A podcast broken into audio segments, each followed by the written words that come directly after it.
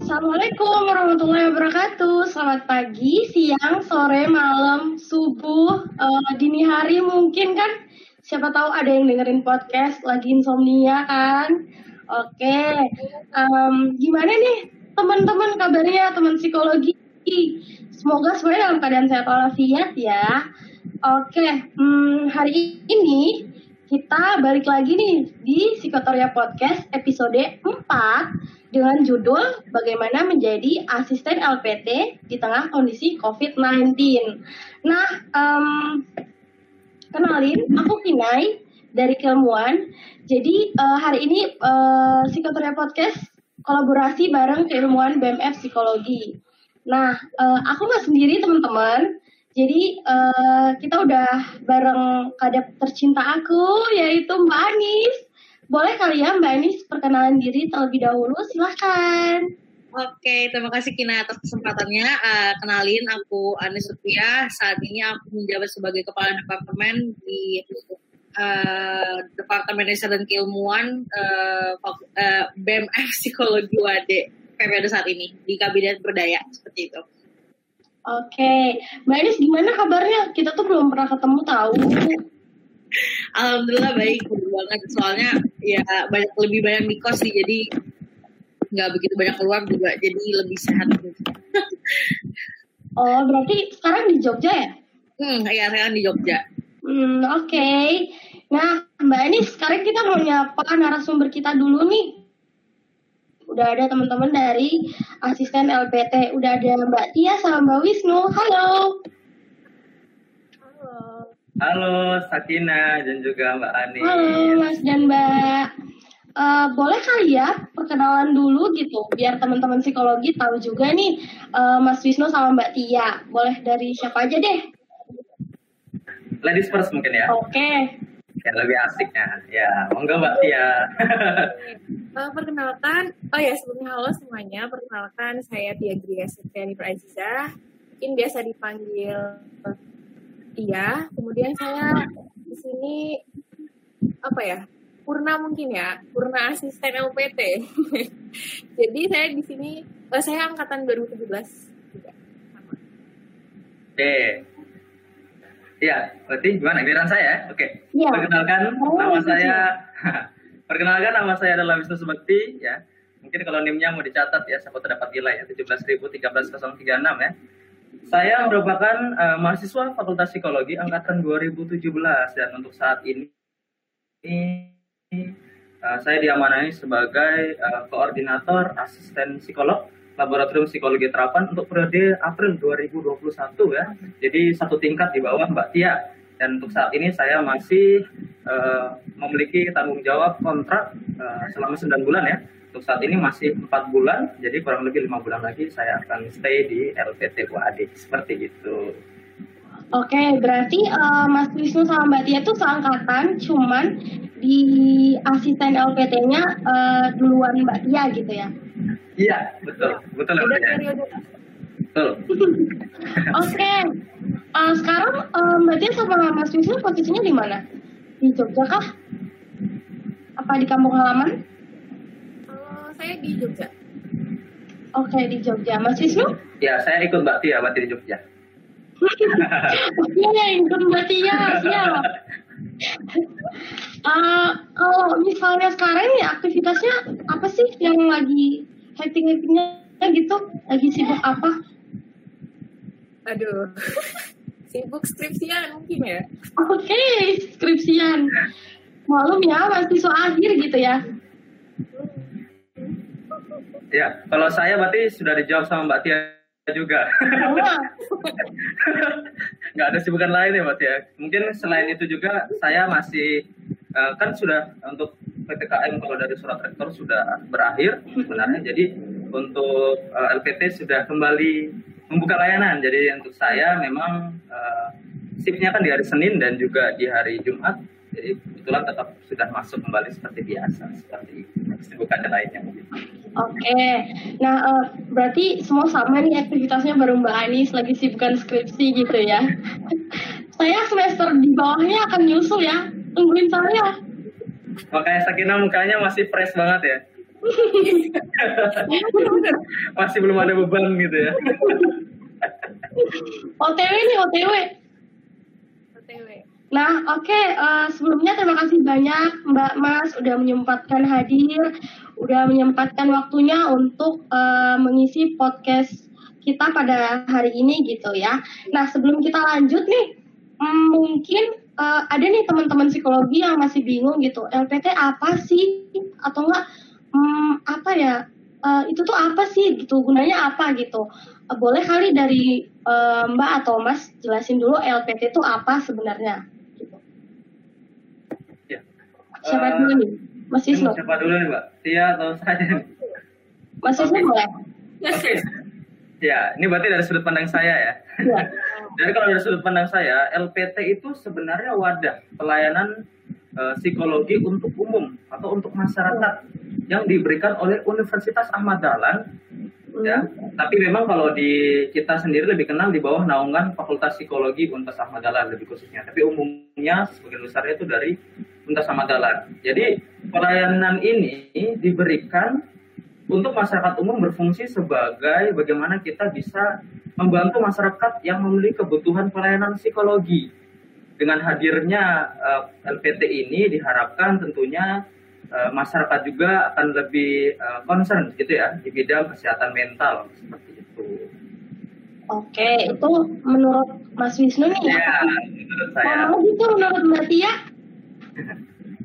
Mungkin kurang lebih sama ya. Hmm. Sebenarnya ini kayak layanan psikologi lah, biro biro psikologi mungkin ya. Nah ini juga eh, di bawah naungan fakultas. Kemudian ini terbuka untuk umum. Jadi mau dari UAD ataupun bukan dari UAD itu bisa mendaftar layanan psikologi di LPT UAD. Nah, terus mungkin nambahin dikit aja. Ya, ini kita tuh juga melayani konseling, jadi klien individual maupun klasikal. Jadi bukan hanya menangani permasalahan klinis yang bersifat individual ya, tapi juga kita melayani eh, yang bersifat klasikal, kayak proyek misal, misalkan eh, jabatan, jabatan seperti kita juga melayani. Oke. Nah, berarti eh, dengan kata lain gitu, misalnya eh, konseling individu kan, misalnya mbah saya pengen konsultasi gitu, boleh tuh dibawa ke situ. Boleh. Boleh banget. Oke, Boleh banget kalau oke. mau kapan nih? Nah, oke. Oh contoh ya, contoh keren. Contoh, maaf contoh gitu ya. sekarang. Oke. Nah, eh, sebelum kita lanjut nih, Mbak Anis mungkin ada yang mau ditanyain dulu? Eh, kalau dari aku sih mungkin eh, apa ya dari eh, persentasenya kali ya dari tadi yang konseling individu sama pelayanan untuk klasikal itu perbedaannya kira seberapa banyak yang lebih banyak itu apakah layanan untuk individunya atau layanan untuk klasikal atau kelompok gitu. Oke. Nih. Oh. Ya. Jadi kalau untuk persentasenya ya, persentasenya itu saya mengamati dalam beberapa minggu ini ya, sebelum masa purna dari Mbak Tia. Jadi untuk persentasenya sebenarnya eh, hampir imbang. Jadi untuk kebutuhan klasikal di tahun-tahun saat ini tentunya mungkin pasca PPKM yang memang biasanya tidak diperbolehkan atau pas- pasca lockdown yang tidak diperbolehkan untuk berkerumun. Tapi setelah lockdown kemarin dilonggarkan ya Mbak Tia, kita bisa mendapatkan eh, proyek klasikal itu dalam satu bulan terus ada dua sampai tiga kali proyek klasikal. Ya kalau mau dibuka seperti kemarin ada pondok pesantren Nur Qayyim mencari direktur kemudian ada pemetaan eh, bakat minat untuk anak SMK seperti itu dan lain sebagainya. Itu dalam satu bulan. Jadi memang untuk presentasinya seimbang karena kalau dari klien individual sendiri itu kan kita bukanya setiap hari ya jadi dari Senin sampai dengan Sabtu ya untuk saat ini karena memang pandemi ya Senin sampai Kamis seperti itu ya. Tapi itu setiap hari terkadang memang eh, satu sampai dua orang itu datang klien untuk meminta eh, intake interview seperti itu di kami di RPT seperti itu. Gitu ya Mbak Tia. ya, Menurut kalau Mbak Tia gimana tam tambahannya? Oh, kalau saya mungkin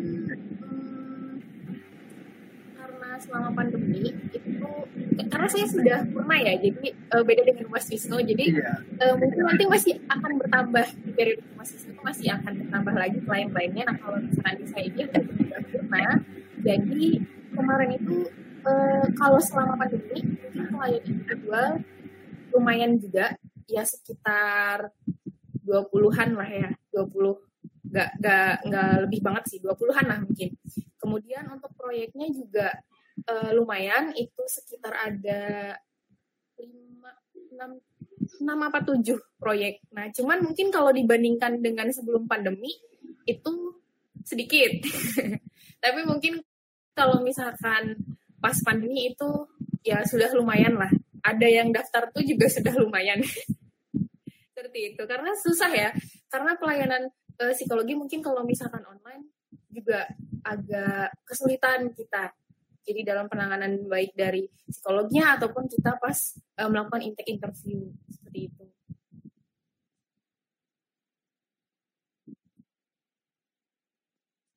Oke, jadi eh, perkiraan tadi dari jawabannya Mbak Tia maupun Mas Wisnu kurang lebih eh, seimbang ya antara eh, apa namanya eh, untuk layanan individu maupun layanan kelompok gitu. Oke, ini mungkin aku kembaliin lagi ke Mbak Kinai selaku podcasternya. Bisa dilanjut Mbak Kinai? Oke, bisa nih. Nah, sekarang kita ke temanya gitu ya. Bagaimana menjadi asisten LPT di tengah kondisi COVID-19. Nah, sebelum kita tanyain tuh kan gimana, eh, kita tanya dulu kali ya, eh, apa namanya? Eh, gimana gitu seleksinya kemarin hingga menjadi asisten LPT dalam kondisi seperti ini gitu. Mungkin dari Purna dulu kali ya. Silahkan, Mbak Tia. Iya. Eh, pas ini pas seleksinya berarti ya. Pas saya seleksinya kan. Ya, benar, benar. Eh, mungkin pas saya itu eh, pengumpulan berkas itu dilakukan secara online karena kebetulan saya belum di Jogja pada saat itu. Kemudian untuk tes secara tertulis psikotesnya itu kan memang harus eh, langsung ya, belum belum belum tesnya tuh belum online. Jadi kita harus ke kampus. Waktu itu di Parbar tesnya. Kalau pada saat saya mendaftar itu sekitar 50-an kayaknya yang mendaftar karena Oke. itu tuh eh, ada campuran dari yang periode sebelumnya itu yang kehambat awal pandemi banget tuh loh yang pas 2000 berapa ya itu? 20. 20 ya? Ya itu Iya. kan pas awal tahun itu mereka sempat buka. Jadi sudah ada pendaftar kemudian ke pending eh, pandemi. Jadi pas saya daftar itu lumayan banyak cukup banyak juga dari beberapa angkatan gitu. Ada dari angkatan 2017 dan sebelumnya. Terus untuk tesnya itu lumayan ini ya setiap tesnya tuh kayak kita tuh eh apa ya nunggu nungguin pengumuman itu yang paling deg-degan sih. Karena kan eh, yang daftar tuh 50 kemudian yang diambil tuh cuma 8 jadi Wow. lumayan ya. Jadi dari dari 50 sekian itu yang diambil cuma 8 dan itu peluangnya juga sangat-sangat aduh kayak bisa nggak ya bisa nggak ya gitu. Karena tahapannya juga banyak. Jadi selain ada psikotes itu nanti tuh ada semacam diskusi. Kemudian habis itu ada wawancara tahap satu dan ada wawancara eh, tahap dua dengan kepala LPT kalau wawancara tahap dua. Jadi wawancara tahap satu itu dengan eh, laborannya dulu tuh. Nah mungkin eh kesannya apa ya? Kalau misalnya pas tes itu deg-degannya sih karena ya itu banyak kan dan yang diambil cuma 8 itu aja sih. Itu dulu deh itu dulu. Oke. Berarti tiap tahunnya tuh emang diambilnya 8 aja ya? iya 8 Oh, Oke. Oke, sekarang kita ke Mas Wisnu. Gimana nih? Iya. Apakah ada perbedaan gitu antara yang purna sama yang sekarang? Oke, jadi gini, kalau saya ceritanya lebih mungkin sangat menarik ya. Jadi mungkin teman-teman pendengar bisa benar-benar menyimak ya. Karena begini, saya tuh mendaftar dua kali. Oke. Ya, Wow. mungkin terserah teman-teman bisa menyimpulkan, wah ini kayaknya ambis banget ya, ambis banget. No, memang saya sangat, saya sudah bercita-cita untuk masuk LPT itu ya sejak saya mengikuti mata kuliah kode etik. Bayangin, itu semester berapa Oke. itu? Jadi ketika itu memang membuat flyer, disuruh membuat flyer oleh Ibu Aul, kebetulan terus kemudian saya cari-cari pelayanan ada nggak sih pelayanan psikologi di UAD? Ternyata ada namanya LPT. Nah, saya menjadikan itu sebagai konten untuk buat flyer. Nah sejak saat itu ketika ada peluang memang memang saya terus mengikuti sehingga terbukalah peluang ketika uh, pendaftaran pertama kali 2020 bersama Mbak Tia. Ya, jadi kita saingan Mbak saat itu ya sayangnya memang ya mungkin saya mengalah gitu ya saya mengalah ya padahal padahal emang emang nggak lulus aja administrasinya atau seleksinya itu jadi ketika itu memang saya uh, di tahun 2020 ketika saya mendaftar saya gagal di tes uh, tes psikotes kurang lebih psikotes seperti itu. Ini masih sebenarnya anak psikologi tapi psikotes nggak lulus ya. Jadi seperti itu ya saya psikotesnya gagal. Akhirnya ya sudah saya saya berinisiatif. Awalnya memang saya down banget ya. Karena memang untuk uh, saat ini untuk pembukaan LPT itu satu angkatan. Untuk adik-adik misalnya untuk angkatan 18 nanti kalian bisa dapat dua kali kesempatan. Jadi ketika nanti di awal kalian gagal seperti saya ya mungkin down itu aja ya. Saya down. Di swear deh saya nangis sekitar dua sampai tiga wow. hari saya nangis. Demi Allah. Demi Allah saya nangis sampai tiga hari kayak gitu ya. Saya down sebenarnya. Tapi ketika memang saya dibangkit oleh beberapa rekan-rekan saya, support untuk rekan-rekan saya, kemudian saya maju lagi istilahnya. Saya maju lagi di daftar tahun 2021. Gimana sih perbedaannya? Oh, saat itu sebenarnya tidak jauh berbeda. Bahkan ketika pandemi maupun non pandemi pun uh, pendaftaran LPT itu tidak terlalu jauh berbeda, teman-teman. Sebenarnya ya, ketika memang uh, kalaupun pandemi atau non pandemi teman-teman tetap harus ada di Jogja itu itu tips saya dari yang pertama. Tips saya pertama teman-teman harus tetap ada di Jogja. Karena apa? Itu bentuk komitmen teman-teman. Karena psikotesnya itu dilaksanakan secara offline untuk saat itu waktu pandemi. Bahkan pandemi waktu Mbak Tia tuh masih besar-besarnya banget loh. Ya tetap psikotesnya offline. Seperti kawan ya. Saya waktu itu sedang ada di Sorong di Papua ya tempat daerah saya. Kemudian saya terbang ke Jogja untuk mengikuti seleksi LPT di tahun 2020 dan saya gagal bangun tiket ya. Tapi nggak apa-apa, nggak apa-apa. Sumpah itu mahal banget. Bisa dicek ya di Traveloka mungkin. Aduh sebut merek. Uh, seorang berapa ya dari Jogja? Seperti itu ya. Di tahun 2021 saya mengikuti kembali waktu itu ya jelas saya tidak pulang lagi ya gitu. sejak tahun 2020 saya tidak pulang lagi karena jelas mungkin saya bakal dikutuk durhaka oleh orang tua saya ya kalau saya minta pulang lagi jadi saya stay di sana tahun 2021 bulan sekitar bulan Maret itu mulai pembukaan untuk pendaftaran. Saya ikut seperti itu. Untuk administrasinya waktu itu kurang lebih uh, langsung di Google Form. Kurang lebih seperti itu. Dan saya ingat perform kemudian untuk pelaksanaan juga psikotesnya itu offline. Dan memang alhamdulillah ya peluangnya terbuka sekali karena beda banget ya. Ketika pertama kali saya ikut itu 50-an lebih ya Mbak ya ketika saya kemarin daftar 15 orang. Wow. Iya. Iya jumlah. Dan saya tahu nih saya pikir kayaknya cowok itu pasti dibutuhkan nih. Dan waktu itu kurang lebih yang ikut cowoknya ada dua orang gitu. Berarti belum terbuka ya buat saya. Jadi saya Peluang banget tuh. kemudian psikotesnya offline dan alhamdulillah uh, kemudian di tes interview juga interview, interview satu ya tembus. Kemudian di wawancara tahap kedua yang dengan Bu Alfi ya. Dan Bu Alfi seperti itu selaku kepala LPT juga alhamdulillah tembus. Kemudian baru diresmikan sebagai asisten LPT. Lebih seperti. Oke, okay.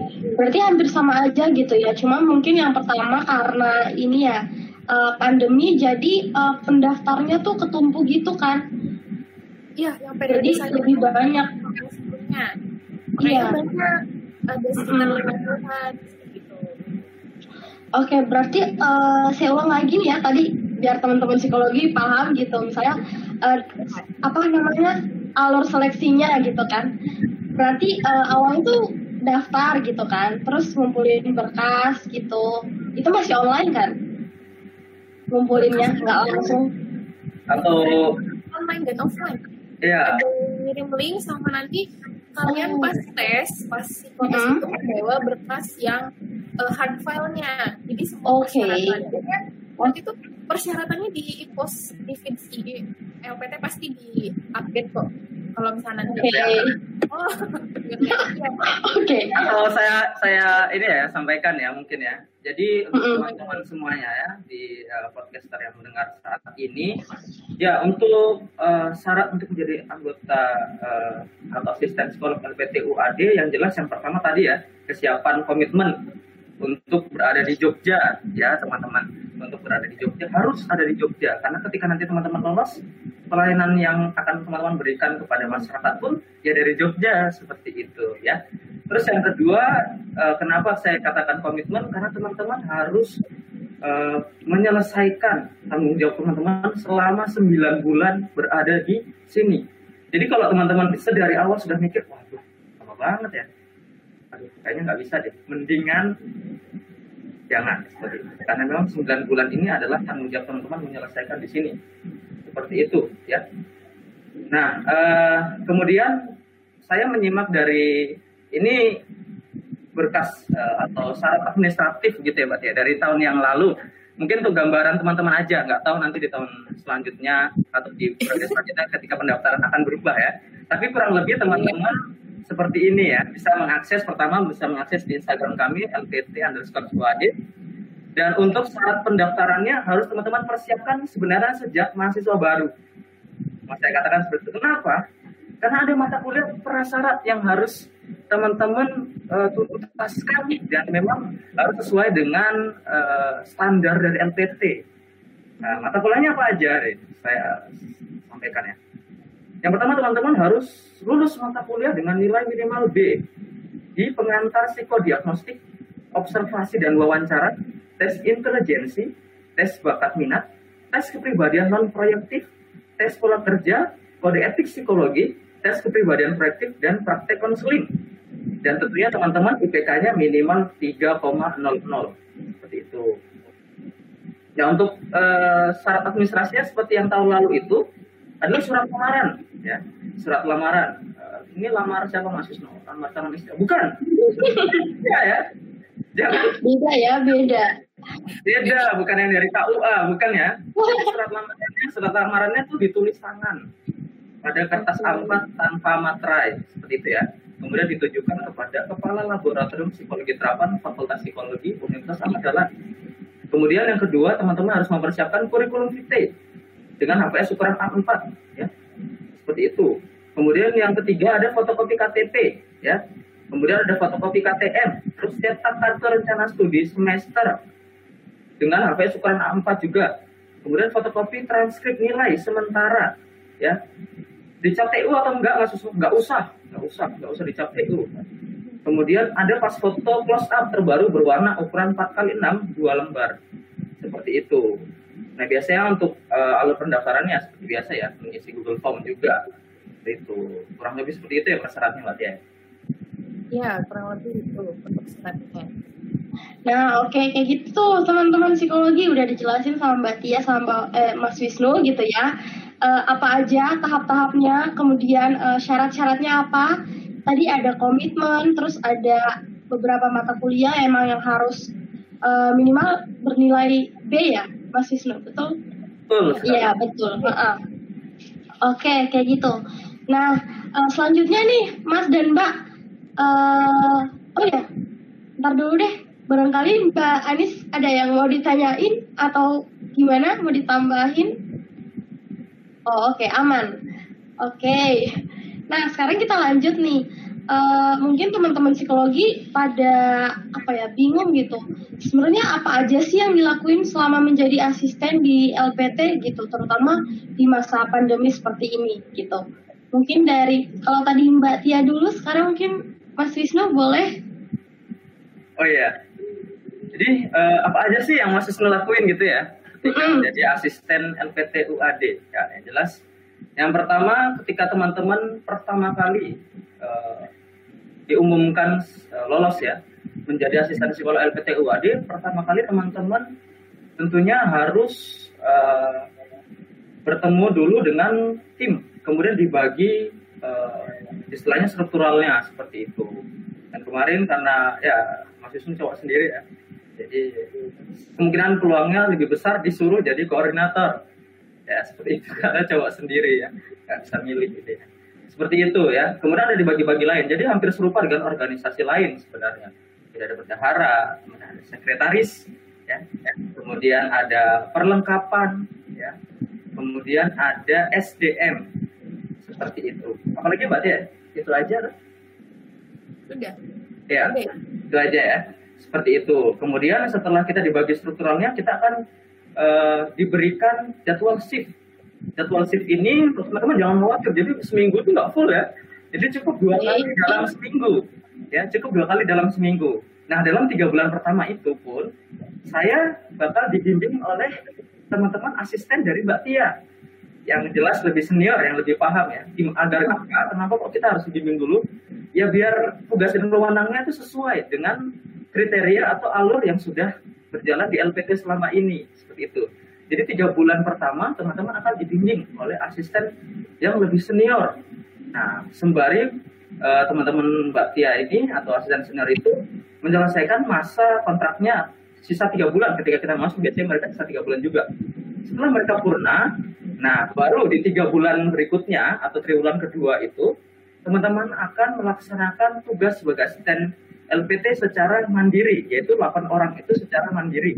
Ya, biasanya dibimbing juga oleh laboran. Laboran laboran itu eh, bahasanya adalah kor- eh, kepala LPT yang berada di lokasi atau di tempat yang eh, sebagai mengkoordinir jalannya asisten psikolog. Seperti. Untuk saat ini adalah Mas Dimas Januar Langgeng, SPSI. Ya. Kemudian eh, dalam tiga bulan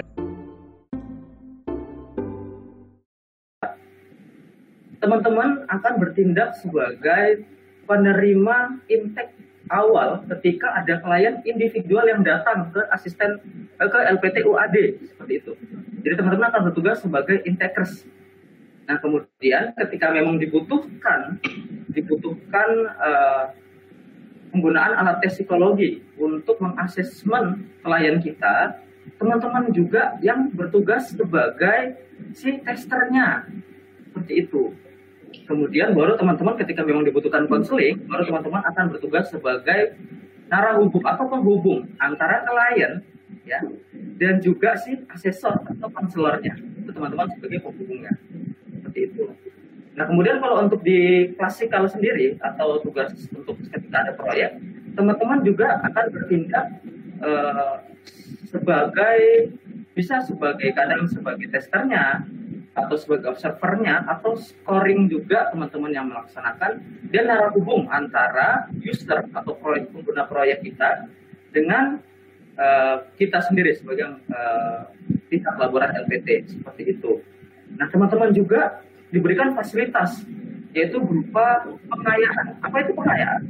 Pengayaan itu bisa dibilang adalah teman-teman akan mendapat pengulangan materi secara lebih luas dari uh, materi yang biasa disampaikan di kelas itu di kelas uh, seperti biasa di fakultas psikologi teman-teman akan diberikan ulang tapi diberikan tambahan yang lebih detail.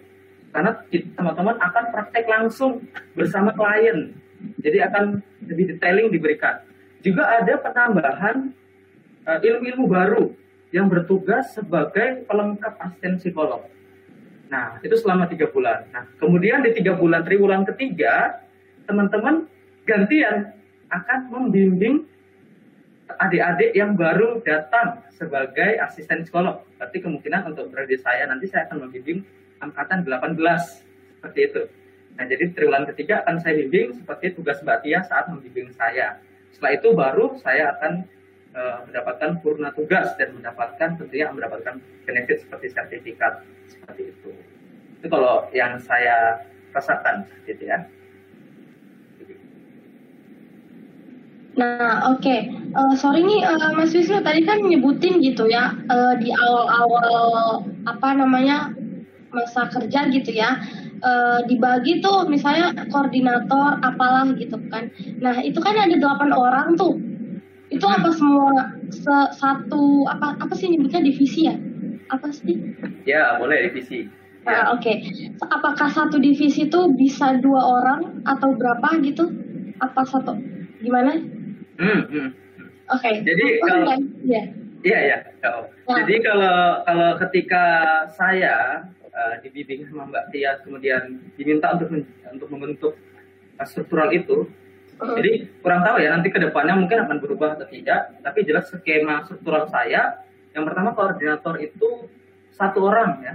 Jadi saya uh, Wisnu Bukti. Kemudian untuk bendara itu juga satu orang. Eh dua orang maaf bendara itu dua orang.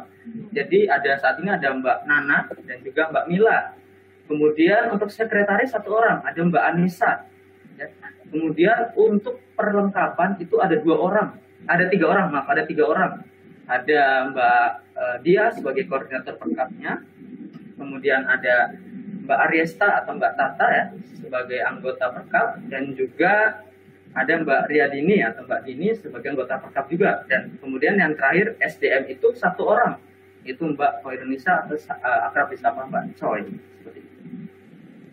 Oke, siap. Kalau gitu, terima kasih ya udah paham banget nih. Oke, sekarang kita kita ke Mbak Tia. Mbak Tia gimana? Tadi eh, apakah ada yang perlu ditambahin dari penjelasan Mas Wisnu ataukah memang ada perbedaan sedikit atau banyak gitu perbedaannya? Silahkan Mbak Tia. Ya, oke. Eh, mungkin untuk penjelasannya, kayaknya Mas Wisnu juga udah jelasin panjang lebar ya tadi. Mm-mm. udah cukup eh, jelas juga. Jadi. Kami itu selama 9 bulan itu tiga bulan pertama itu biasanya kita diajarin oleh asisten sebelumnya. Jadi kalau misalkan Iya. saya yang angkatannya 2016, nanti setelah itu tiga bulan saya jalan sendiri. Kemudian tiga bulan terakhir saya mengajari asisten yang eh, baru yaitu asistennya angkatannya Mas Wisnu. Meskipun angkatannya sama ya semua kita 17 semua kebetulan. Tapi eh tetap pas masuk itu eh maksudnya saya yang angkatan sebelumnya yang mengajari angkatan yang baru. Nah, terus kemudian untuk eh job desk mungkin tadi sama lah ya kayak kepanitiaan ada ketua, ada sekretaris, bendahara, perkap dan SDM. Tapi mungkin fungsinya itu ketika kita magang itu semuanya sama sebagai asisten psikolog gitu. Jadi itu hanya eh apa ya? Kayak di LPT tuh nanti seperti ada proyek, kemudian ada klien individual, itu kan kayak butuh yang eh, mengurusi tentang keuangan, alat tes, kemudian pengayaan seperti itu. Cuma nanti fungsinya itu yang berdelapan sama semuanya sebagai asisten psikolog gitu. Jadi eh, mungkin agak berbeda dengan asisten praktikum yang di lab diagnostik kampus ya. Karena kalau misalnya di kampus itu kan eh, kita mengajari mahasiswa ya kayak kayak di kelas cuman eh, berbentuk praktikum. Nah mungkin kalau misalkan di LPT itu kita lebih lebih real ketemu kliennya. Jadi eh, ada yang daftar kemudian klien ada permasalahan apa kita eh, benar-benar real menangani bukan menangani sih kayak kita dihadapkan dengan kliennya langsung meskipun bukan kita yang eh, menanganinya karena untuk eh, klien individual itu kita hanya sebatas tingkat interview, kemudian kita yang menjembatani antara klien dengan uh, psikolognya. Nah, nanti psikolognya itu yang uh, berada di, sebagai dosen di fakultas kita. Jadi dosen-dosen psikologi di fakultas itu nanti yang menjadi psikolognya atau asesornya. Nah, kita itu hanya apa ya memfasilitasi klien seperti itu karena kan sebagai asisten psikolognya kemudian kalau misalkan di LPT itu mungkin tadi tentang pelayanan juga nah mungkin kelebihannya kita jadi mendalami materinya lebih real ya karena berhadapan langsung jadi kita tahu prakteknya tuh oh nanti kayak gini kayak gini kayak gini gitu kalau misalnya di kelas kan biasanya hanya uh, teori Ya. kemudian praktikum juga hanya mungkin uh, sebagian ya maksudnya hanya berapa persen mungkin gitu. Nah, nanti kalau misalnya di LPT itu bisa digali lebih dalam lagi dan kalian bisa mengeksplor banyak alat tes kayak gitu. Oke, sih. ya. Oke, siap. Terima kasih, Mbak Tia. Bener banget sih. Jadi kayak apalagi kalau misalnya kayak Kina gitu ya, eh, praktikumnya online, sumpah kayak, aduh bingung banget tes testinya Kinai sendiri, testernya Kinai juga. Nah, Ampun dah, gitu ya. Mohon maaf, ini jadi sambat mahasiswa online. aduh. Mahasiswa online. Ya. Iya. Oke, um, Mbak Anis mungkin ada yang mau ditanyain atau apa? Oke, kalau dari aku sih uh, tadi kan udah dijelasin panjang lebar ya tentang pembagian struktural, kemudian apa saja yang dilakukan hmm. selama menjadi asisten. Nah, baik dari Mas Wisnu ataupun Mbak Tia, ada nggak sih kayak satu pengalaman kayak oh uh, ini pengalaman yang berkesan banget gitu saat menjadi uh, asisten LPT baik uh, itu nanti kasusnya individual maupun kasus uh, klasikal atau kelompok bisa sih disebutkan gitu pengalaman paling menarik. Mungkin dari Mbak Tia dulu kali ya. Oke, saya dulu ya nih.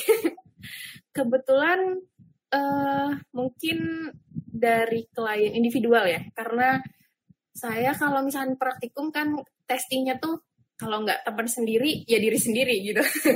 kan yang waktu uh, WISE kemudian sebelumnya Bine itu kan kita testingnya eh testernya eh testingnya itu waktu kebetulan saya offline ya jadi nyari kan terus bisa jadi itu teman saya sendiri. Nah kalau misalkan di LPT itu real. Jadi kebetulan saya itu pernah mendapatkan uh, kliennya itu tes ya. Jadi kalau misalkan kliennya berbentuknya tes individual itu tetap sama kita gitu. Jadi nanti yang sama asesornya itu untuk bagian hasil pemeriksaan psikologisnya. Jadi untuk hasilnya itu nanti sama psikolog. Jadi saya yang uh, menginstruksikan alat tesnya. Nah kemudian pengalaman yang sangat berkesan mungkin karena itu pertama kali terjun langsung kemudian dengan dihadapkan dengan klien secara real itu berbeda jauh ketika uh, di praktikum.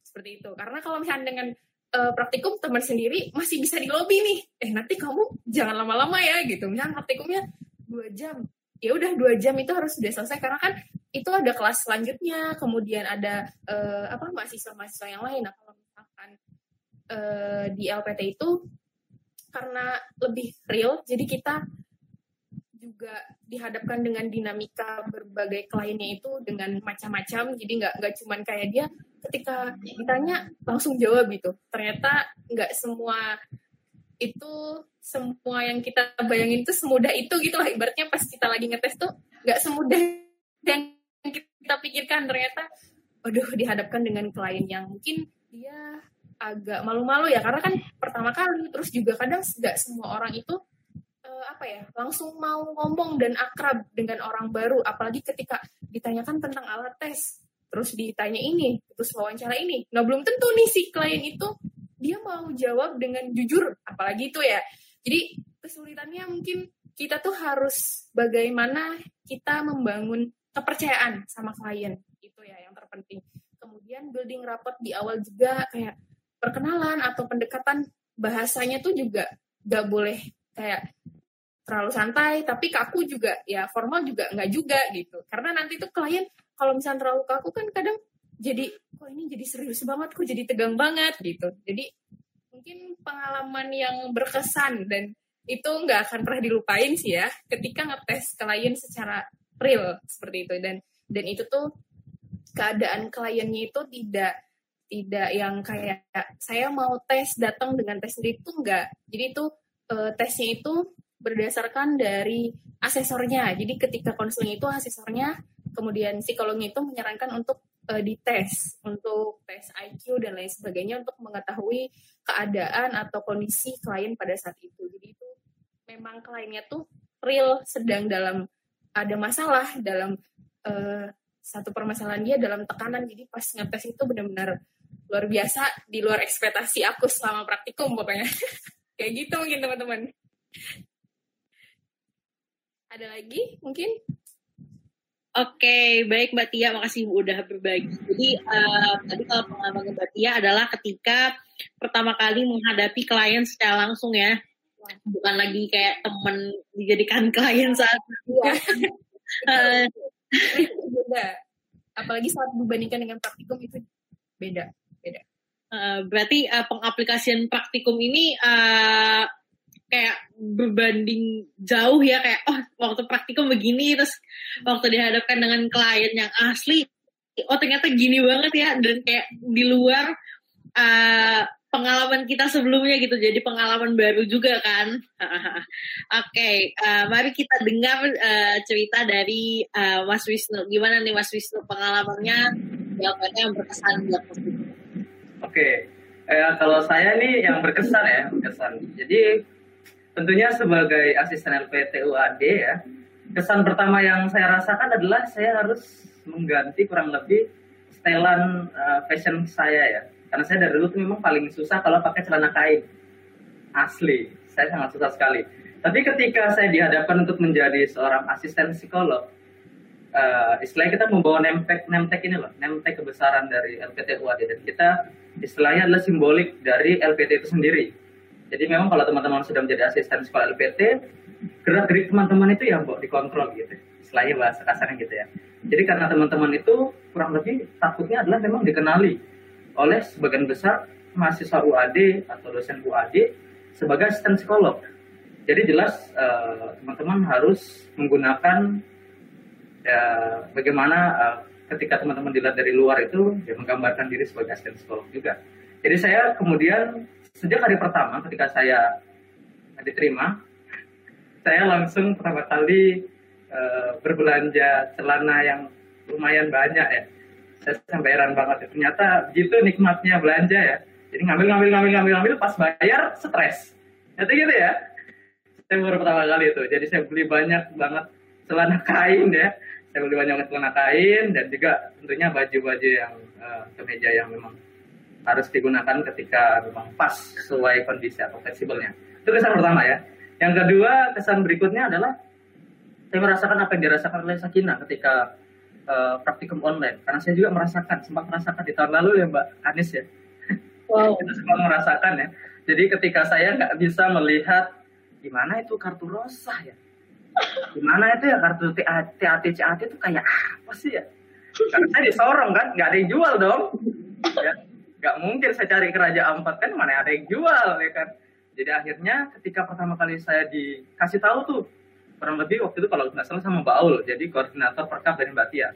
Wisnu ini adalah lemari yang menyimpan alat tes yang akan digunakan ketika memang kita membutuhkan penggunaan asesmen untuk klien. Saya lihat, uh, ternyata banyak banget guys. Bagus banget. Jadi lupa banget ya.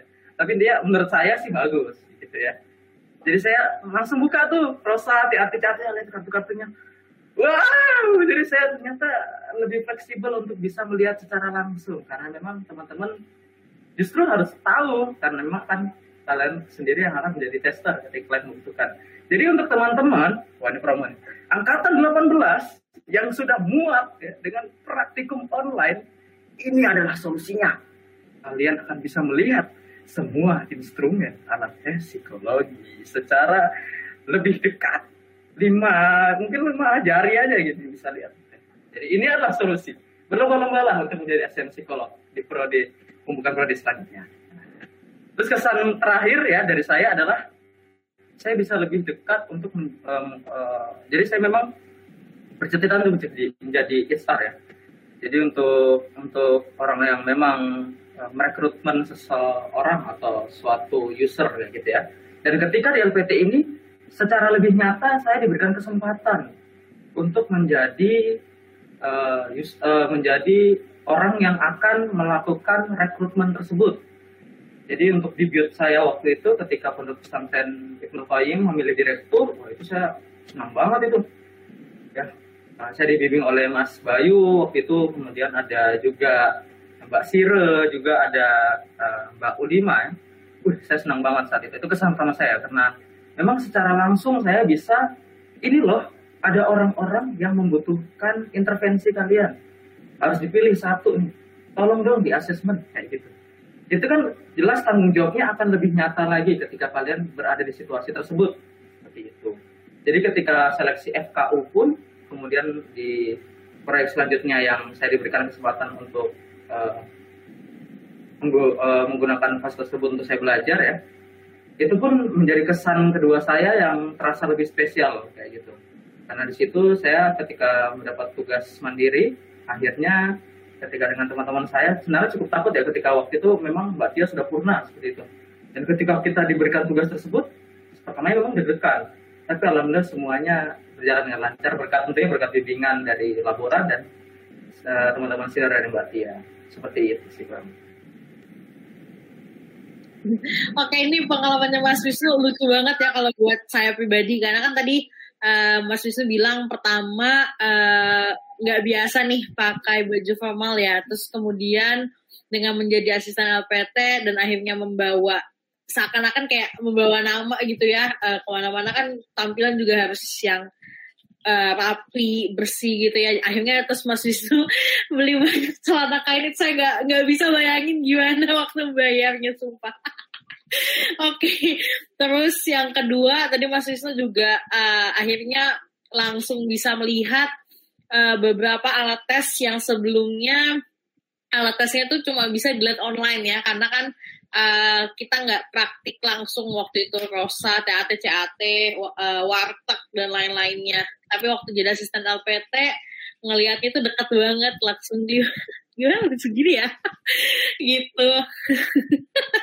Dan yang terakhir tadi Mas Wisnu bilang uh, pengalaman menjadi ini ya uh, melakukan uh, tes klasikal atau uh, rekomen gitu dan pertama juga dilepas uh, tanpa pengawasan itu jadi suatu hal yang baru buat Mas Wisnu dan teman-teman lainnya di periode April 2021. Hmm, menarik sih.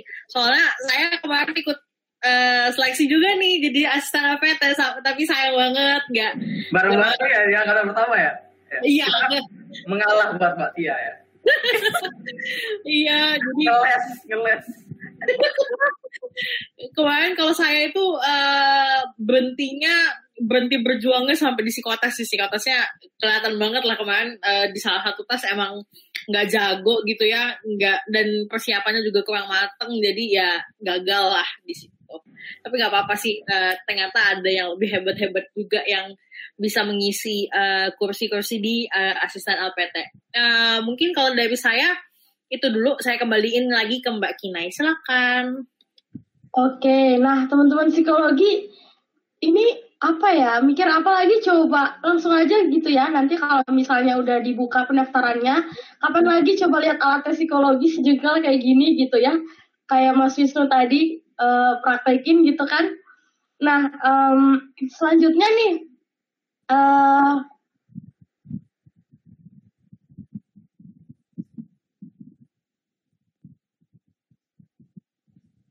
Oke, apa saya terdengar? Suara saya terdengar? Iya, terdengar. Oke, nah, nah oke. Okay. Kalau tadi Mas Wisnu ngomong dia ngalah uh, ke Mbak Tia, Nah, tadi uh, barusan banget ada pengakuan dari Mbak Anis. Mbak Anis uh, mengalah gitu untuk Mas Wisnu ya, teman-teman. Ternyata uh, teman-teman uh, orang-orang psikologi itu sangat ini ya, sangat apa, uh, saling menghargai, uh, rela mengalah gitu ya demi teman-temannya. Oke, okay, nah uh, sebelum kita lanjut nih, tadi kan pesan dan kesannya udah ada gitu ya. Uh, mungkin um, terakhir kali ya, apa Mbak Iris mau nambahin dulu sebelum terakhir gitu? Soalnya terakhir saya bakal nanyain sama Mbak Tia sama Mas Wisnu terkait uh, tips yang perlu dibagiin buat teman-teman saya gitu ya kali. Teman-teman teman-teman nanti gitu yang mau daftar sebagai asisten LPT. Kayaknya kalau dari aku cukup sih uh, Mbak Kinai, jadi mungkin langsung bisa uh, ke bagian akhir tadi yang Mbak Kinai sampaikan. Oke, terakhir nih, uh, apa sih uh, tips dari Mbak Tia sama Mas Wisnu untuk teman-teman di luar sana, teman-teman psikologi yang mau daftar jadi asisten LPT selanjutnya? Boleh silahkan. Siapa dulu nih? Uh, Mbak Tia, silahkan. Tipsnya ya? Tipsnya, ya mungkin ini uh, untuk teman-teman yang berminat berarti kan besoknya 2018 ya. Ini untuk adik-adik yang lain juga mungkin bisa mempersiapkan dari sekarang nih bener yang tadi Mas Wisnu di awal bilang itu kan ada persyaratannya minimal nilainya berapa, kemudian itu juga harus di ibaratnya apa ya? Kita harus ancang-ancang dari awal gitu. Nah, kemudian untuk seleksinya sering-sering pantengin IG LPT karena nanti ketika dibuka pendaftaran itu biasanya juga cukup peminatnya lumayan ya. Maksudnya yang yang mendaftar itu juga pasti banyak lah dari sekian ratus satu angkatan itu uh, pengen untuk jadi asisten LPT. Nah, kemudian untuk tahapannya itu kan juga banyak. Kalau menurut saya itu ketika psikotes dipastikan keadaan teman-teman semua ini dalam keadaan yang fit ya. Maksudnya ketika tes itu nggak yang habis begadang terus kemudian pagi-pagi datang tes kayak gitu itu pasti juga mempengaruhi ya karena nanti bisa aja lagi tes terus tiba-tiba ngantuk atau misalkan instruksinya apa terus kitanya malah ngerjain yang lain kayak gitu kan bisa jadi gitu. jadi diusahakan mungkin keadaannya itu harus fit terus kemudian tidak dalam unsur paksaan itu terpenting karena jangan sampai kayak daftar karena dipaksa sama temennya ini kamu harus daftar ini ini itu jangan. Jadi benar-benar harus pure dari uh, kemauan sendiri dari diri sendiri dan itu pure gitu. Kamu kamu yang daftar dan nanti kamu yang akan tes. Kemudian untuk sesi selanjutnya mungkin apa ya kalau nanti ini saya takutnya keceplosan nih malah membeberkan kriteria-kriteria yang lain gitu jadi untuk uh, sesi selanjutnya diskusi sama wawancara sebisa mungkin itu sesuai sama diri teman-teman. Jadi misalkan ketika ini berlaku untuk seleksi apa aja ya sebenarnya. Kalau misalkan ditanyai atau misalkan wawancara dari dari LPT oleh laboran atau ataupun kepala LPT itu sebisa mungkin jawablah sesuai dengan diri teman-teman. Itu ketika wawancara maupun diskusi dan ikuti alurnya, ikuti prosesnya, terus juga kan itu juga ada ada beberapa aturan ya ketika psikotes itu apa aja yang nggak boleh dilakukan dan apa yang harus dilakukan itu kita ikuti jangan sampai kayak kok gini banget sih? gitu. Kayak udahlah nggak usah uh, maunya terserah aku aja. Itu kalau bisa ya kita ikuti uh, aturan dari kan itu nanti ada teman-teman yang ngetes gitu. Terus kemudian uh, jawabnya sesuai dengan diri teman-teman karena itu nanti juga akan disesuaikan dengan hasil psikotes ya. Ketika teman-teman diskusi terus kemudian wawancara itu juga akan dikombinasikan dengan hasil psikotes teman-teman. Gitu. nggak bisa bohong ya pak? Nggak bisa bohong. Itu intinya. Ini itu. Jadi nanti juga kalau misalnya di awal ngomong A, kemudian pas diwawancara tiba-tiba ngomong B. Nah itu kok gak sinkron gitu. Jadi kan ada ada sesuatu juga gitu dari diri teman-teman. Jadi pokoknya sebisa mungkin tuh harus jujur ya karena mungkin ini tes uh, psikologi juga gitu. Terus teman-teman dari fakultas psikologi gitu masa tidak bisa jujur pada diri sendiri gitu. Asik. jadi jadi nanti uh, tipsnya mungkin uh, apa ya? Kurang lebih ya itulah tadi. Jadi pas psikotes itu ikuti aturannya harus sesuai dengan diri sendiri dalam keadaan fit tidak dalam unsur paksaan maupun uh, dorongan dari teman-teman yang bukan mendaftar gitu terus kamu harus daftar itu jangan. Jadi nanti bisa jadi ngaruh ke hasilnya. Kemudian jangan yang hmm, keadaannya lagi apa ya lagi nggak dalam kondisi yang tidak baik-baik saja gitu. Jadi kalau bisa jangan begadang pas mau tes itu. Jadi datang tuh dalam fresh gitu fresh. Bener-bener malamnya itu tidurnya cukup gitu. Kemudian tesnya juga jadi bisa mengikuti sesuai instruksinya. Dan udah sih mungkin itu aja. Karena nanti ada kriteria lain ya mungkin yang ditetapkan oleh LPT Oke, okay. Hmm. Oke, okay, berarti itu ya tadi teman-teman uh, apa namanya tips dari Mbak Tia gitu. Kayak misalnya persiapin dari sekarang gitu. Jadi teman-teman psikologi yang 2020, angkatan 2019 udah boleh banget disiapin dari sekarang tuh nggak apa-apa gitu ya. Terus uh, apalagi ya tadi uh, fit gitu ya. Jangan mm -mm, harus dalam keadaan fit gitu. Terus uh, ikuti alurnya, kemudian um, be yourself gitu ya. Apalagi pada saat wawancara gitu kan gitu ya. Oke, okay. nah kalau itu tadi tips dari Mbak Tia, sekarang kita ke Mas Wisnu. Nah, Mas Wisnu gimana tuh tipsnya? Oke, okay, kalau dari saya yang pertama adalah tentunya berdasarkan pengalaman saya, jangan mudah menyerah dengan keadaan seperti itu. Karena memang saya gagal di awal, tapi karena tips kedua saya yang membantu yaitu niat sejak awal memang niat itu kalau kalian sudah punya niat percayalah keadaan itu selangkah lebih de di depan ketimbang kompetitor kalian yang lain. Dengan niat, insya Allah teman-teman akan menimbulkan usaha, usaha yang lebih keras dibanding teman-teman yang lain. Usaha ditambah dengan jangan menyerah sama dengan keberhasilan. Itu tips saya untuk uh, mendaftar di LPT. Karena itu sudah saya jalanin, tentunya support dari orang-orang sekitar itu juga turut membantu. Ketika saya gagal, ya ya dua hari tiga malam lah ya saya nangis ya. Waduh, kayak gitu ya itu ya saya menangis karena memang itu uh, saya ini benar-benar pengen banget ya dari dari awal semester satu. Ketika gagal memang kemudian dibangkitkan lagi semangatnya oleh teman-teman sekitar, orang tua saya tentunya seperti itu ya. Uh, kemudian saya mencoba lagi dan alhamdulillah berhasil. Jadi yang pertama adalah uh, tadi tips yang saya ulangi. Jadi yang pertama adalah tentunya jangan benar-benar menyerah. Yang kedua adalah niat yang bersungguh-sungguh. Uh, kemudian yang ketiga yang jelas ya seperti yang dikatakan Mbak Tia tadi, ketika melakukan psikotes, psikotes itu nggak usah belajar. Ini mungkin di bapak ibu dosen kita itu sudah beberapa kali mengulangin hal ini di kelas. Kalian kalian belajar buku setebal ini, ya tentang cara menghitung misalnya cara menghitung kreplin misalnya. Tapi kreplin itu sesungguhnya teman-teman ya namanya menghitung itu kan sebenarnya sudah ada di sini ya. Lainnya. Kalian sejak SD di, diajarin untuk berhitung. Nah gimana kok kok biasa kok bisa ya ketika menghitung kok ternyata uh saya nggak bisa kreplin masih hitung-hitungnya susah gitu. Itu sebenarnya hanya membutuhkan kalian fresh.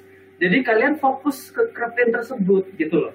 Jadi ini contoh kecilnya seperti itu. Kalau teman-teman bisa fokus, refresh, nggak nggak ada pemikiran yang lain, nggak kedistrak dengan hal lain. Misalnya nggak kedistrak sama waduh calon calon jodoh saya kayaknya kemarin saya lihat boncengan sama orang lain deh. Waduh mana itu hitungannya susah nanti. Ngitungnya tuh susah gitu. Tapi kalau teman-teman yang fokus pada bagaimana ini bisa sampai atas, sampai benar-benar saya bisa menghitung dengan tepat, teliti seperti itu, insya Allah teman-teman akan uh, menjalankannya dengan baik seperti itu. Kalau dari saya. Oke, itu dia tuh tadi di mana lagi coba teman-teman dapetin tips uh, biar bisa uh, daftar di asisten LPT. Cuma di Psikoteria Podcast tahu nggak sih? Ada kayak Mas Wisnu ngomong tadi tuh nggak usah belajar kalau misalnya psikotes. Uh, yang penting tidurnya cukup, istirahat gitu ya. Itu teman-teman. Nah, terakhir nih, Mbak Andis mungkin ada tambahan? Kalau dari aku tipsnya uh, baiknya uh, udah jelas banget tadi tips dan uh, triknya dari Mbak Tia maupun Mas Wisnu. Ya, semoga nanti buat teman-teman yang di angkatan 18 atau 19, 20 bahkan yang baru masuk 2021 yang mendengarkan podcast ini nanti uh, bisa nih mempersiapkan apalagi yang 2021 kan udah fresh banget nih belum mulai kuliah tapi udah kayak dapet nih tips dan trik dari Mbak dan uh, Mas Wisnu jadi uh, lebih mateng lah nanti persiapannya biar waktunya tiba uh, untuk mendaftar jadi asisten psikolog di LPT udah yang oke okay, nilaiku udah bagus aku juga udah uh, paham uh, terkait dengan alurnya. Kemudian aku sudah mempersiapkan diri dengan baik. Yang penting adalah jangan lupa juga untuk berdoa ya teman-teman. Karena uh, yakinlah bahwa usaha teman-teman itu juga nggak ada artinya kalau teman-teman nggak berdoa dengan tulus gitu. Itu sih kalau dari aku menambahkan sedikit dari uh, Mbak Dia dan Mas Wisnu. Terima kasih. Uh, aku kembalikan ke Mbak Kinai. Oke, iya benar banget tuh kata Mbak Anis. Doa jangan lupa ya teman-teman. Nah, uh, mungkin Mbak Tia sama Mas Wisnu ada yang mau ditambahin lagi? Ya, gimana Mbak Tia dulu atau aku? Uh, ah, ya. Jadi mungkin uh, karena karena eh ini udah akhir ya berarti ya. Uh -huh. Oke. Okay.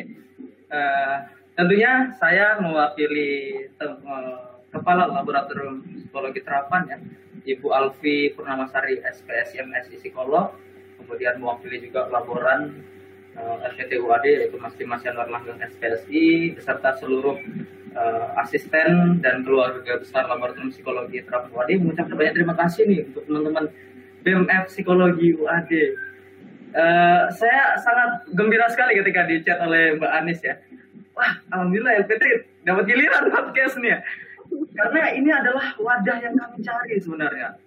Wadah ini sekaligus sebagai pemenarik minat dari teman-teman adik-adik kita yang ingin magang atau menjalani kontrak, sekaligus eh, mencari uh, minat dari orang-orang yang memang membutuhkan pelayanan psikologi. Bahwasannya saya juga sebenarnya agak heran ya. Jadi LPTUAD ini sebenarnya sudah sangat lama sekali ada di fakultas kita.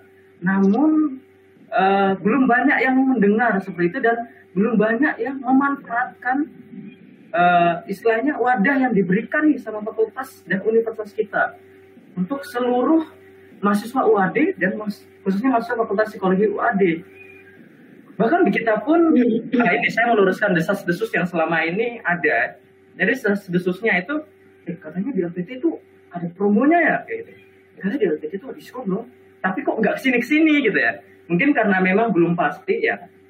Mumpung ini disediakan wadahnya ya saya berikan kepada teman-teman semuanya. Tentunya bagi teman-teman yang memang membutuhkan pelayanan psikologi monggo silahkan bisa datang ke LPT UAD untuk teman-teman yang memang uh, masyarakat umum ya uh, tentunya uh, memang akan mengikuti alurnya sesuai dengan yang secara umum. Namun khusus ada tiga kategori yang akan mendapatkan benefit ketika memang uh, datang ke pelayanan psikologi LPT UAD.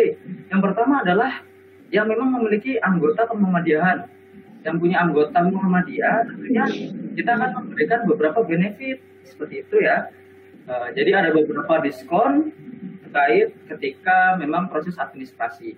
Kemudian untuk teman-teman dari mahasiswa UAD, mahasiswa UAD ini diskonnya bukan cuma di administrasinya saja, tapi ketika nanti melakukan sesi konseling, teman-teman akan mendapatkan free alias gratis satu kali sesi konseling bersama psikolog yang tentunya sangat kompeten di bidang di bidangnya seperti itu ya dan untuk mahasiswa Fakultas Psikologi UAD, ya, tambah lagi benefitnya. Jadi ketika memang teman-teman ternyata mendapatkan konselor sesuai dengan uh, ketentuan yang diberikan oleh LPT, bisa saja teman-teman akan mendapatkan full service gratis uh, sesi konseling seperti itu. Full gratis loh sesi konselingnya.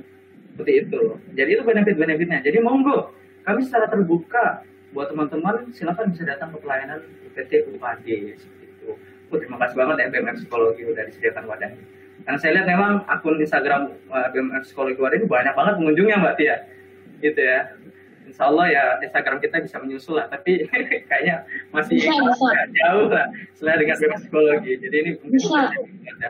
Bisa ya? Nanti ya bisa. Nanti dipromosiin ya. Tolong uh, nanti di bawah ini gitu ya Instagramnya. Boleh, boleh.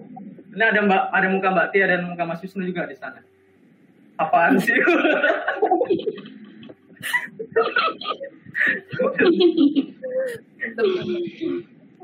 ya, terima kasih itu tambahan dari saya mungkin. Oke, dari Mbak Tia ada tambahan lagi? Mungkin ya ada lah ada.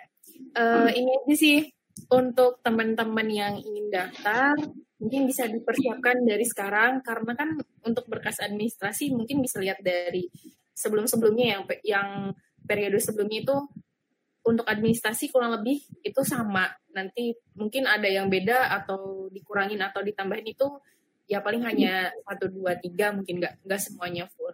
Itu mungkin bisa dipersiapkan terus untuk yang angkatan 19 atau 20 gitu atau 21 nanti yang baru mau masuk udah minat nih dari awal itu bisa mempersiapkan lebih matang lagi gitu dari segi administrasinya. Itu kan berarti udah udah dirancang gitu sebelum sebelum waktunya. Karena kan itu harus menyelesaikan beberapa mata kuliah ya. Biasanya itu selesai di semester 7 biasanya sih ya.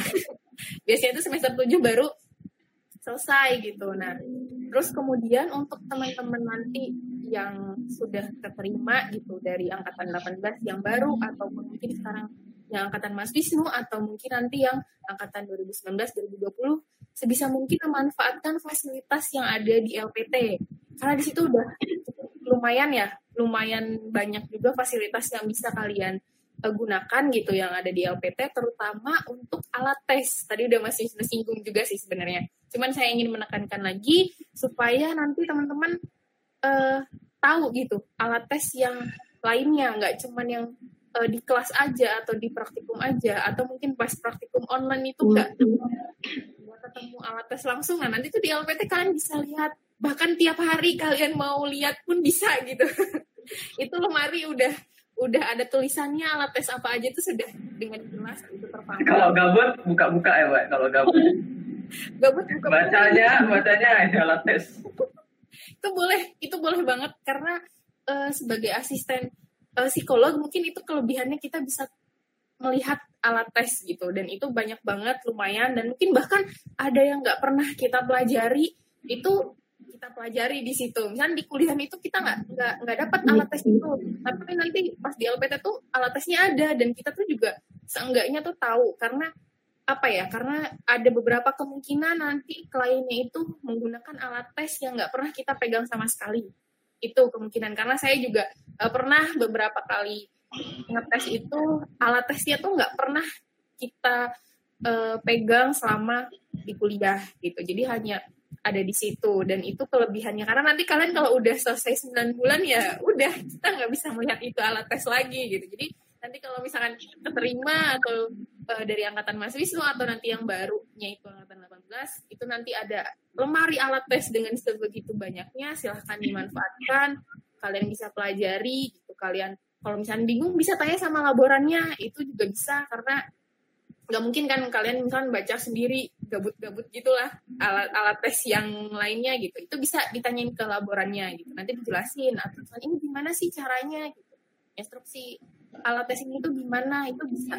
Banget. Karena di situ banyak alat tes. Jadi kalian bisa mengeksplor dan kemudian uh, apa ya kemampuan kalian untuk menginstruksikan alat tes mungkin di situ akan bertambah ya untuk menginstruksikan. Karena mungkin di kelas atau di praktikum itu hanya disinggung sedikit saja gitu atau bahkan hanya perkenalan diri sama perkenalan alat tes. Cuman mungkin nanti di LPT itu kalian uh, benar-benar dari awal sampai scoring itu seperti apa itu ada ininya tersendiri ya. Maksudnya uh, mungkin agak berbeda dengan praktikum karena nanti kita menghadapinya kliennya secara real secara uh, langsung beneran gitu klien beneran. Ini itu aja sih Oke, itu dia tuh teman-teman. Sumpah banyak banget dan seru-seru banget ternyata jadi asisten LPT gitu ya. Nah, buat teman-teman juga yang misalnya mau konsul, bisa banget ya di LPT dan tadi Mas Wisnu udah jelasin kalau misalnya ada promo gitu. Dan bener, isu-isu promo tuh emang ada gitu ya, teman-teman. Jadi jangan ragu buat datang ke LPT UAD gitu ya. Nah, ya. Uh, terima kasih banyak buat Mbak Tia sama Mas Wisnu udah nyempatin hadir udah berbagi pengalaman juga. Terima kasih banyak. Iya, uh, terima kasih juga buat Mbak Anis yang udah nemenin anaknya ini uh, buat jadi podcaster pada malam eh pada hari ini gitu ya. Oke, okay, uh, teman-teman psikologi uh, sampai di sini dulu episode 4 kali ini. Jangan lupa saksiin atau dengerin lagi podcaster uh, psikoteria, psikotoria di episode selanjutnya. Eh, teman-teman bisa dengerin di Instagram BMF, di YouTube BMF, dan juga di Spotify gitu ya teman-teman. Jangan lupa like, comment, subscribe, share gitu ya. Jangan lupa uh, itu aja kali ya. Demikian. Uh, Wabillahi taufiq walhidayah. Assalamualaikum warahmatullahi wabarakatuh. See you on next podcast. Bye-bye.